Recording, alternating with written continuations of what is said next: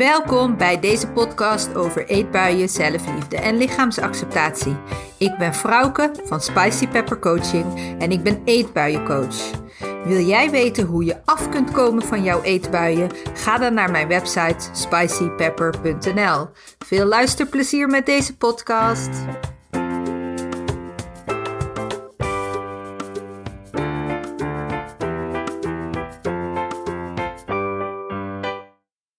Hey, leuk dat je weer luistert naar een nieuwe aflevering van deze podcast. En wellicht heb je het al voorbij zien komen in je mailbox of op social media. Op 28 september organiseer ik een online masterclass. Eerste hulp bij gewichtscommentaar. Ik heb deze masterclass vorig jaar ook gegeven als een webinar. En toen noemde ik het nog omgaan met gewichtsstigma. Maar ik vind gewichtstigma eigenlijk altijd een beetje een lastig woord. Het is ook gewoon een niet zoveel voorkomend woord. En daarom heb ik ervoor gekozen om het nu eerste hulp bij gewichtscommentaar te noemen. Ik denk dat je dan makkelijker weet wat ik bedoel. Maar ik wil toch eventjes met je hebben over gewichtstigma. Dat is eigenlijk het overkoepelende ja, woord, de overkoepelende term waar gewichtscommentaar onder valt. Want er valt nog veel meer onder gewichtstigma. En daar wil ik het ook met je hebben, over hebben tijdens deze podcast. Ik moet je ook zeggen dat ik altijd heel erg worstel met woorden, met woordkeuze. Ik heb nog niet voor mezelf goede woorden gevonden uh, die wat meer gewichtsneutraal zijn ook ik verzand toch wel weer in woorden als overgewicht of ja, net als grote mate, plus size. En dan denk je ook over wat of groter dan of plus waarop. Eigenlijk is dat al gewichtstigma. Hè? Eigenlijk geven we in de samenleving daar ook al mee aan dat het buiten de norm valt en dat is ook wat gewichtstigma is, hè? Stigmatiseren van gewicht. Je, je valt niet binnen de norm. Maar goed, ook ik, uh, ja, dat mag je weten. Ook ik worstel daarmee. Ook ik moet daarover leren. En um, ja, weet je, als ik, ik wil natuurlijk heel graag het goede voorbeeld geven en, en niet meewerken aan die stigmatisering in de samenleving. Maar uh, het is ook een, ja, bij mij ook een aangeleerd gedrag natuurlijk om die woorden te gebruiken. En, uh, maar ik wilde er toch in ieder geval even iets over zeggen. Um, eigenlijk ook meer ter inspiratie om je daar bewust van te worden. Ik praat gewoon zoals ik praat, want uiteindelijk gaat de essentie voor mij over de inhoud en niet zozeer op mijn woordkeuze. Dus, uh, dus dat in ieder geval gezegd hebbende. Maar om maar even aan te geven hè, hoe, hoe hoe vaak gewichtstigma aanwezig is. Alleen al in dit soort uh, terminologie. Nou ja, gewichtstigma is dus eigenlijk dat je mensen oordeelt, veroordeelt, beoordeelt op basis van gewicht. En gewicht trek ik dan ook iets breder. Dat is voor mij dan ook omvang. Eetgedrag vind ik daar ook wel onder horen, omdat er altijd ja, geoordeeld, veroordeeld, beoordeeld wordt op eetgedrag als je dikker bent. Je wordt namelijk veel minder veroordeeld op je eetgedrag als je dun bent. Of als je slank bent. Dus, dus ja, voor mij persoonlijk ja, valt dat eronder. Heb ik dat altijd eh, erbij geschaald. En, en hoe dat voor jou is, moet je natuurlijk helemaal lekker voor jezelf bepalen. En om het even wat dieper met jou in dat gewichtstigma te duiken, gaan we eigenlijk een beetje richting vetfobie. Hè? De angst voor dik zijn, angst voor vet. Die komt natuurlijk ergens vandaan. De schrijfster Virgie Tovar heeft drie stadia uitgeschreven waarin zij ja, dat vetfobie in onderverdeeld. En aan de hand van die drie stadia ga ik je meenemen op een korte reis in deze aflevering naar waar vetfobie en waar gewichtstigma allemaal in verwerkt zit. En ik wil hiermee met jou eigenlijk hè, jezelf, je, je bewust maken van waar dat in de samenleving en, en bij jezelf en om je heen allemaal aanwezig is. Zodat je ook kunt nou ja, bedenken wat jouw eigen aandeel daarin is. Hoe dat het dan bij jou zit en, en waar je last van hebt. En ja, in hoeverre je daar iets aan kan doen of in hoeverre je dat jezelf kwalijk kunt nemen. Het eerste stadium van dat vetfobie is intrapersonal, intrapersoonlijk. En intrapersoonlijk betekent een stukje wat in jou zit. Hoe jij over jezelf denkt. Hè? Dus nou ja, als het een ui zou zijn, dan zou dit echt de binnenkant van de ui zijn. Hè? Hoe, hoe jij naar jezelf kijkt. Hoe jij naar jezelf kijkt, ja, dat zit vol met herinneringen, ervaringen, je opvoeding, wat jij hebt meegekregen uh, van je rolmodellen, van je ouders. Mm, wat je geleerd hebt, wat je op school geleerd hebt, de mensen die je om je heen hebt, hè, hoe, hoe dat zich reflecteert op jou. Dus het gaat heel erg over hoe jij over jezelf denkt. En wat ik vaak meemaak is dat heel veel mensen, als het gaat om, om vetfobie, om het zo maar te zeggen, het al bij andere mensen om zich heen goed kunnen accepteren, het niet erg vinden, het, het zelfs soms mooi vinden om, om dikke mensen te kunnen zien. Maar als je heel diep van binnen gaat kijken, dat er dan toch een oordeel is op je eigen dik zijn. Of hè, op je eigen uiterlijk. Dat je toch zo een soort van diep gekoesterde wens of een stille hoop hebt dat je je lijf kunt veranderen. Nou, dan hebben we het dus over intrapersoonlijke vetfobie. Dit is ook dat je het jezelf kwalijk neemt. Hè? Dat, je, dat je het jezelf aanpraat dat het je eigen schuld is dat je zo bent. En dat is ook wat de samenleving ons leert. Hè? Ehm, de, de uitspraak elk pontje gaat door het mondje bijvoorbeeld wijst jou erop dat jij daar zelf verantwoordelijk voor bent. Dus dat, dat woekert heel erg je intrapersoonlijke vetfobie aan. Hè, dat, dat is gewoon wat er gebeurt hoor, zonder daar een oordeel over te hebben. Um, draagt dat er heel erg aan bij. En het is ook, ik krijg ook heel vaak reacties op mijn Instagram Reels bijvoorbeeld van mensen die actief zijn in de sport. Uh, fit boys en fit girls noem ik het maar eventjes uh, gegeneraliseerd. die ook altijd zeggen: onzin, dik is gewoon je eigen schuld. Het is een kwestie van minder eten, meer bewegen. Nou, hè, dat woekert dus bij jou heel erg dat intrapersoonlijke vetfobie aan. Dat je gaat twijfelen aan jezelf. Is dit inderdaad mijn eigen schuld? dat je het heel erg bij jezelf gaat zoeken. En, en dat intrapersoonlijke, daarvoor hoef je eigenlijk niet eens dik te zijn. Ook dunne mensen hebben dat. Omdat het echt iets is wat in jou zit. Omdat het gebaseerd is op je opvoeding, wat je hebt meegekregen, wat je geleerd hebt, um, je rolmodellen om je heen. Het dus zelfs dunne mensen kunnen het gevoel hebben dat ze te dik zijn. En dat is ook gewoon een, een legitiem gevoel. Hè? Iedereen heeft zijn eigen gevoel. En, en of je nou maatje 38 hebt en voelt dat je te dik bent, of je hebt maatje 58 en je voelt dat je te dik bent. Het een is niet beter ja, of legitiemer dan de ander. Die gevoelens die zijn er nou eenmaal. Hè? Die gevoelens die heeft iemand. En, en dat, is, dat is dan gewoon zo. Iemand met maatje 38 of 36 of 34 mag ook gewoon alle ruimte innemen met de onzekere gevoelens die hij over zichzelf heeft.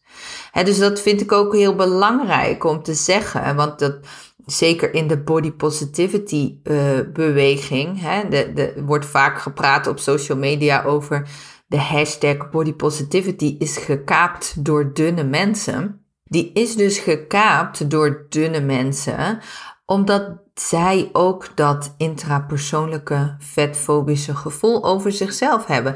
En dat is natuurlijk gewoon heel vervelend voor ze. Net zoals het vervelend is voor dikke mensen die onzeker zijn over hun eigen lijf. Hè? Dus dat ja, vind ik wel belangrijk om te zeggen. Dus dat dat, dat hoe jij je voelt, dat is voor iedereen. Voor dik of dun. Ook voor lang of kort, of voor rood, of voor sproeten, of voor. Nou ja, je snapt wel wat ik uh, bedoel, hè?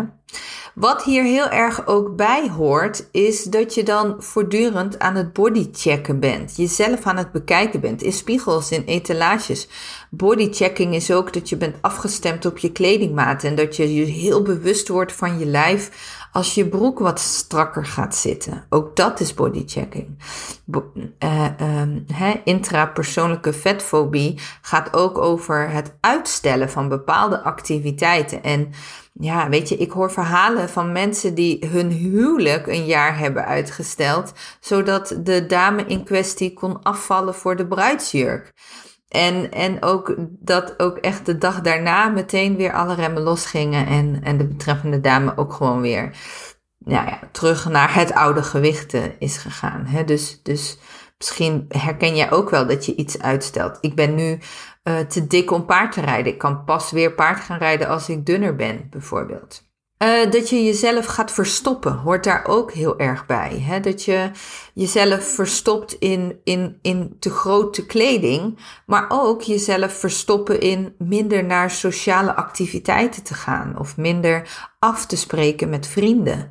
Zeker nu na, na, zo'n, na die heftige lockdown-periodes van, van de corona merk je dat mensen het heel erg lastig vinden om elkaar weer in real life te zien na al die Zoom-meetings. En dat heb je misschien zelfs ook met collega's of met zakenpartners, hè, die, je, die je eigenlijk alleen maar kent via Zoom. Die je dan nu ineens in het echt moet gaan zien. Um, ja, en dat je je dan druk maakt over je lijf, over de 3D-versie van je lijf. Want via de computer of via videobellen is het natuurlijk tweedimensionaal en zien mensen alleen maar je bovenkant. En het laatste stukje wat ik even wil benoemen bij dat intrapersoonlijke vetfobische van jezelf, wat in jouzelf zit, is zelfspot. En zelfspot is een copingmechanisme om daarmee om te gaan. En zelfspot kan je ook helpen om er vrede mee te krijgen, om, te om je lichaam te accepteren voor wat het is. Maar zelfspot, daarin ben je eigenlijk ook een beetje onaardig tegen jezelf.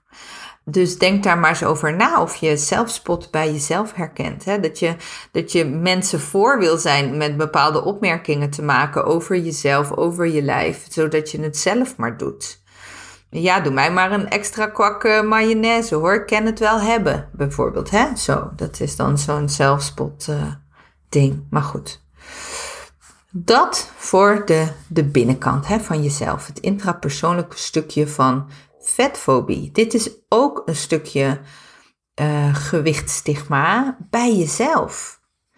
Het tweede, tweede uh, stadium, hè, wat Virgie Tovar uh, benoemt, is interpersoonlijk. Dus we hadden net intrapersoonlijk, nu is het interpersoonlijk. Dat gaat over de omgeving om je heen. En dan vooral in mensen. Hoe andere mensen jou behandelen. En dit is waar uh, dik en dun zich van elkaar scheiden. He, zoals ik bij dat intrapersoonlijke, dat eerste stuk zei, dat kunnen dikke en dunne mensen hebben, komt er een scheiding in dik en dun bij dat interpersoonlijke. Want hoe mensen jou behandelen, Daarin worden dikke mensen over het algemeen toch anders behandeld dan dunne mensen. En hebben dunne mensen daar ja, meer privilege in, voordeel in, om het maar even zo te zeggen. En het gaat natuurlijk ook over het vooroordeel dat mensen hebben dat dikke mensen gewoon dom zijn, omdat ze niet voor zichzelf kunnen zorgen, omdat ze niet de juiste voedselkeuzes maken. Dat is het beeld in de samenleving. Hè? Dunne mensen worden hier in het Westen ook gewoon als aantrekkelijker beschouwd. En ik zeg heel nadrukkelijk hier in het Westen, omdat er uh, werelddelen zijn waarin dat dan anders is. Maar goed, daar wonen wij niet. Mm, dus, dus daarin onderscheidt zich dat privilege. Dikke mensen hebben niet het privilege om als aantrekkelijk gezien te worden, als slim gezien te worden. Die moeten daar harder voor werken. En, en hoe anderen jou behandelen, dat gaat over hoe jouw familie jou behandelt, hoe jouw vrienden jou behandelen, hoe jouw collega's tegen jou praten of zich gedragen in jouw bijzijn. Maar ook bijvoorbeeld hoe de medische zorg is gesteld voor jou. Dit gaat dus over die opmerkingen op een verjaardag bijvoorbeeld. Ja, ik heb voor jou een half stukje taart afgesneden, want je bent toch altijd op dieet. Dit is een typisch voorbeeld hè, van, van gewichtstigma, van, van vetfobie op interpersoonlijk niveau. Maar ook um, vriendinnen die de hele tijd uh, dieetpraat met elkaar doen in jouw bijzijn. Ook dat is vetfobisch, hè? want die vriendinnen die zijn voor zichzelf, en dan kom je weer op dat intrapersoonlijke stukje, die vinden zichzelf niet goed genoeg. En die vinden dat misschien van jou geen probleem, maar van zichzelf wel. Maar jij, voor jou, jij zit daarbij en het kan jou een heel ongemakkelijk gevoel geven. Dus daarin is het heel belangrijk om te leren om je grenzen bijvoorbeeld aan te geven. Maar ook als het gaat om bijvoorbeeld lekker shoppen met je moeder of met een vriendin. Waarin je in een winkel bent en je een leuk jurkje met horizontale strepen uit het rek hebt gevist om te gaan passen.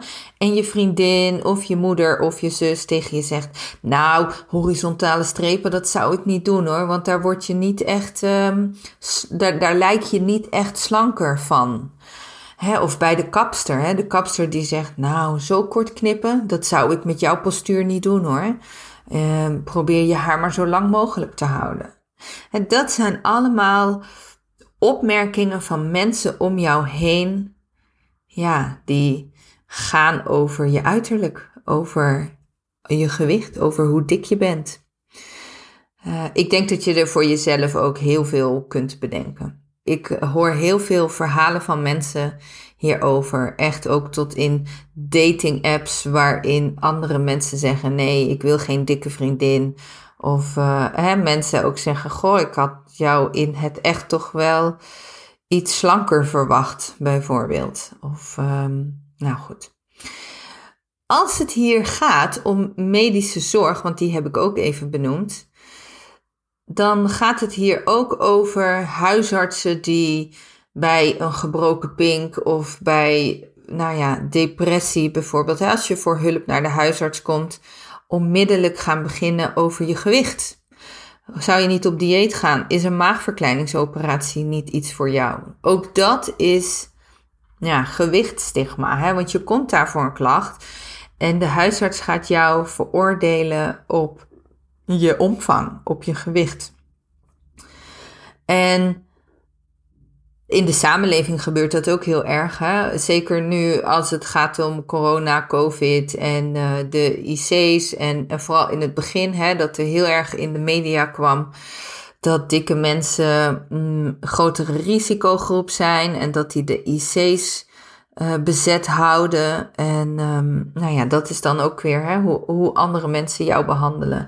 Dat beeld in de media geeft ook jouw vrienden, jouw familie, jouw collega's uh, een bepaald vooroordeel in hun hoofd. En ook al zeggen zij dat ze zich zorgen maken als ze zo'n opmerking maakt over, goh, misschien moet je afvallen, want je bent een risicogroep. Hè, dan is dat goed bedoeld vanuit hun eigen referentiekader, kan dat voor jou wel heel erg pijnlijk zijn. En wat je ook vaak ziet, is mensen die juist het omgekeerd, juist vanuit goede bedoelingen, vanuit goede bedoelingen wordt heel veel gezegd in dit stadium, hè, in dat interpersoonlijke vetfobie.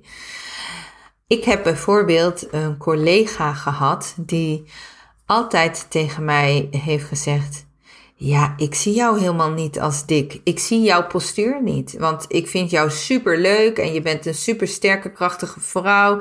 En je hebt humor. Ik vind het altijd gezellig bij jou. Dat is wat ik zie.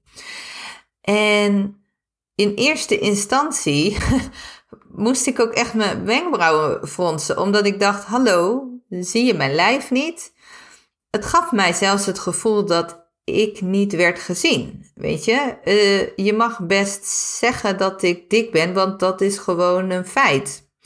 Net zoals iemand die lang is, het een feit is dat hij lang is, dan ga je ook niet zeggen: Nee, ik, ik zie niet jouw lengte hoor, ik zie vooral jouw persoonlijkheid.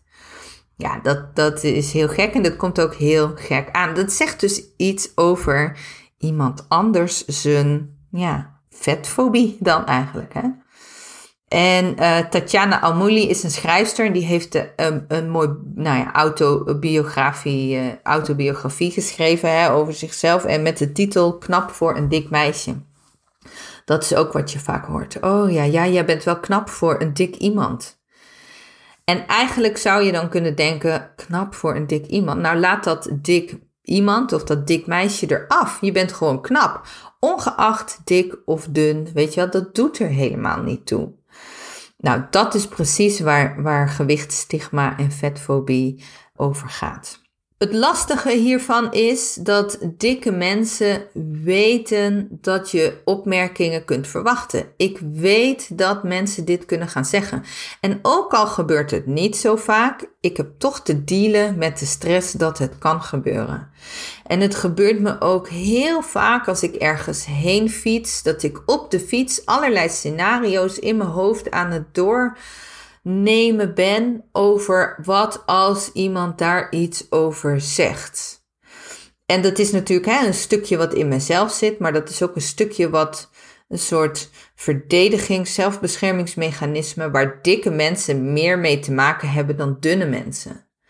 Alleen al de stress dat het kan gebeuren, dat je ermee bezig bent, ook al gebeurt het niet dat is ook wat valt onder dat interpersoonlijke uh, vetfobie. Want het is natuurlijk hè, zo actie-reactie. Dingen gebeuren en je reageert daarop. Je, je bent daarmee bezig in je hoofd. Um, je gaat het verwachten.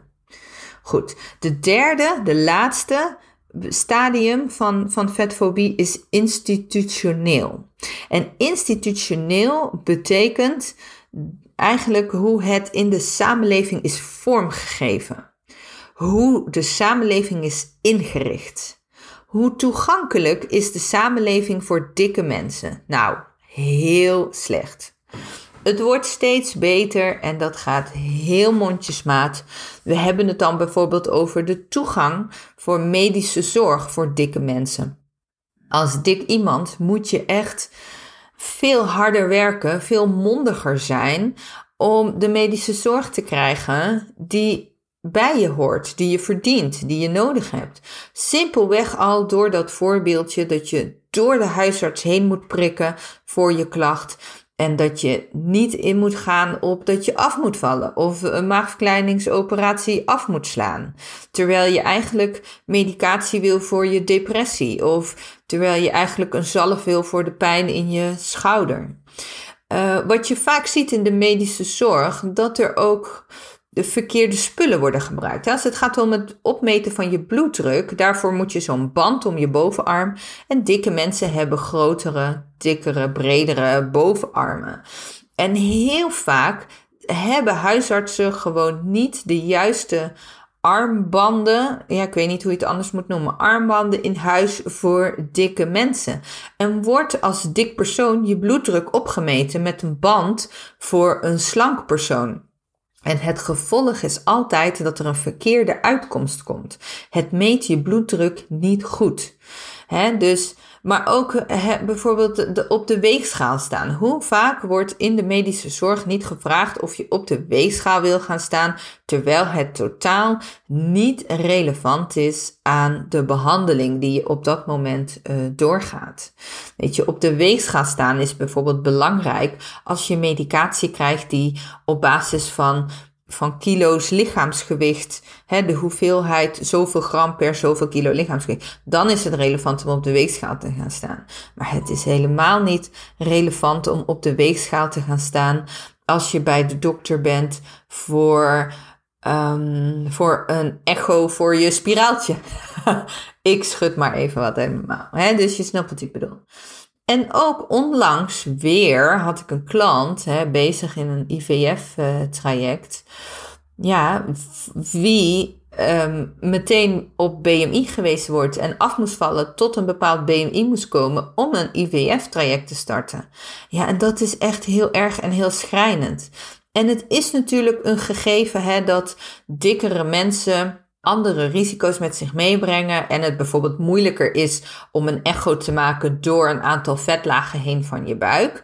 Daar zijn gewoon allerlei uh, aangepaste gereedschappen voor. Hè? Net zoals ik noem ook in dat voorbeeld van die bloeddrukmeter. En daarvoor, nou ja, weet je wel, je, je kunt daarin gewoon een behandeling aanpassen zonder te moeten vragen dat de persoon zich aanpast. En ja, ik heb me daar even in, in gedoken. Um, er is ook maar één ziekenhuis in Nederland wat gewichtsneutraal IVF-trajecten doet bij mensen. Weet je, dus het kan gewoon. En, en zeker als je, uh, ik heb een aantal artikelen vooral vanuit Amerika uh, gelezen, een aantal blogs gelezen van, van Amerikaanse mensen die hier tegenaan liepen. En um, er zijn gewoon artsen die dat wel doen. En er zijn gewoon dikke mensen die daar prima doorheen staan. Die helemaal niet al die risico's hebben die je voorgeschoteld wordt als je dik bent. Hè. Dat is natuurlijk hetzelfde verhaal als dat je ook gewoon dik kunt zijn en gezond kunt zijn. En dat je dun kunt zijn en ongezond kunt zijn. En ja, je kunt ook dik en ongezond zijn. Ja, je kunt ook dik zijn en zwanger worden en, en steeds een miskraam hebben. Maar goed, dat betekent niet dat je ja, je lichaam moet veranderen om bepaalde dingen voor elkaar te krijgen. Ik vind, nou ja, goed, het maakt eigenlijk niet zoveel uit wat ik vind, want dit is gewoon de realiteit. Maar dit is hè, toegankelijkheid in de samenleving. En dunne mensen hebben hier geen last van. Dat is privilege. Dunne mensen hebben geen, geen last van die toegankelijkheid in de medische zorg. En als tip, en dat is ook iets wat ik in mijn masterclass uit, uitgebreid met je ga bespreken. Als tip kun je ook tegen de huisarts zeggen, of tegen een dokter of een specialist, hoe behandel je een dun iemand hiervoor? Hè? Wat, wat zou je een dun iemand voorschrijven of uh, aanraden? Nou, en dan Weet je, dan zegt hij, nou, dan zou ik dit doen of dat doen. Dan zeg ik, nou, oké, dat wil ik ook, want dat is specifiek gericht op de klacht.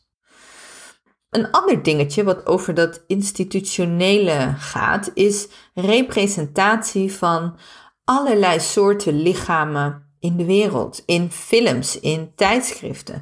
we zien altijd een heel ja, eenzijdig beeld van, van, van slanke ja, mensen, gelinkt aan schoonheidsideaal. Het is allemaal maatje 36, maatje 38.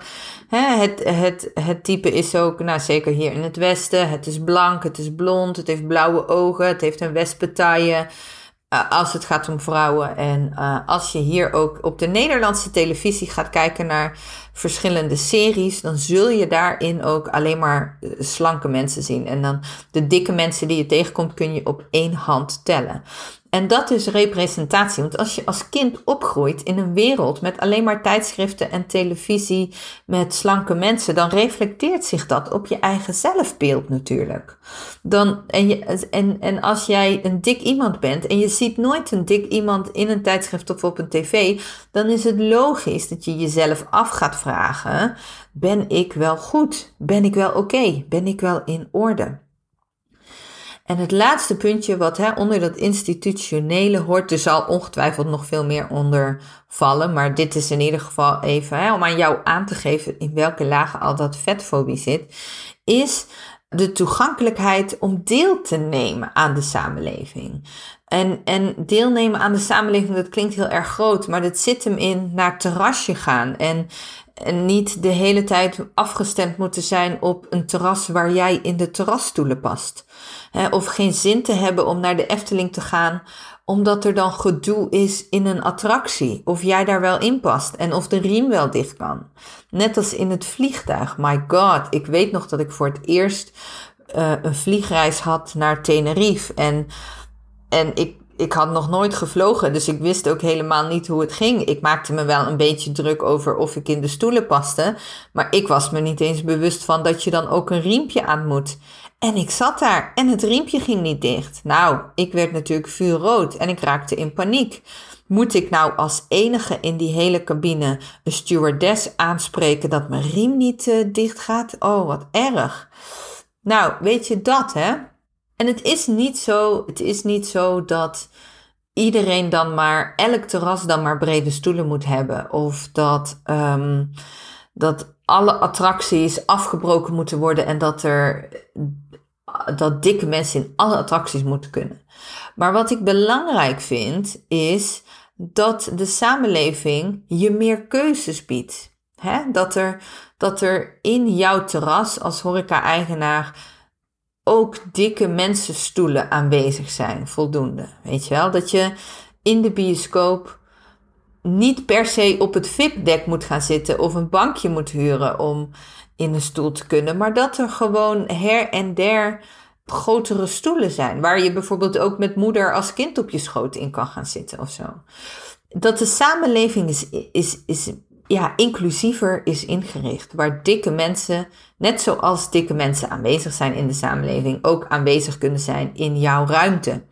In jouw bioscoopzaal, in jouw pretpark, in jouw vliegtuig, op jouw terras. Nou goed, hè, dus ik heb je even om een korte opsomming nog te maken, hè, dat gewichtstigma dat, hè, dat we begonnen met, met de masterclass die ik ga geven op 28 september. Eerste hulp bij gewichtscommentaar. Dat dat valt onder gewichtstigma. En dat gewichtstigma, volgens Virgie Tovar, hè, dat is een hele mooie, zij is een uh, schrijfster, dat heeft omschreven als intrapersoonlijk. Dus hoe kijk jij naar jezelf? Interpersoonlijk, hoe reageert de omgeving om jou heen? En institutioneel, hoe is de samenleving voor jou als dikke vrouw uh, ingericht. Nou, en vooral dat stukje interpersoonlijk, hè, hoe anderen op jou reageren, daar waar de dikke en dunne privileges zich onderscheiden, daar waar ook dat dieetpraat van je vrienden komt kijken, hè, of met je collega's tijdens de lunch aan tafel, maar daar ook waar dat stukje medische zorg komt kijken. Hoe ga je nou om met die huisarts die elke keer weer op je gewicht hamert? Hoe ga je nou om met tante Jet die altijd uh, opmerkingen maakt tijdens de familiereunie over dat ze moet afvallen en dat ze te dik is en dat dat jou een oncomfortabel gevoel geeft. Nou ja, goed, andere mensen die allerlei opmerkingen maken over jou, over hoe je eruit ziet of over je eetgedrag. Daar gaat mijn masterclass over. Daarin ga ik je op 28 september heel concreet allerlei situaties voorschetsen, gespreksmodellen als het ware, waarin je kan kiezen, je kunt dit zeggen, je kunt dat zeggen, je kunt dat zeggen. dus hele concrete scripts ook, zinnen, one-liners, waarin jij op een passende manier voor jou, met zelfrespect, maar ook soms bijvoorbeeld met humor of, of met sarcasme kunt reageren of juist je er bewust voor kiest om niet te reageren, dat ga ik je allemaal uitleggen in die masterclass. En daarin besteed ik ook een extra speciaal stukje over familie en vrienden, over mensen die negatief over zichzelf praten in jouw bijzijn. Hè? Dus bijvoorbeeld die slanke vriendin die jij hebt, die altijd zeurt over hoe dik zij is, terwijl jij echt dik bent. Hè? Hoe ga je daarmee om? Hoe geef je daarin je grenzen aan?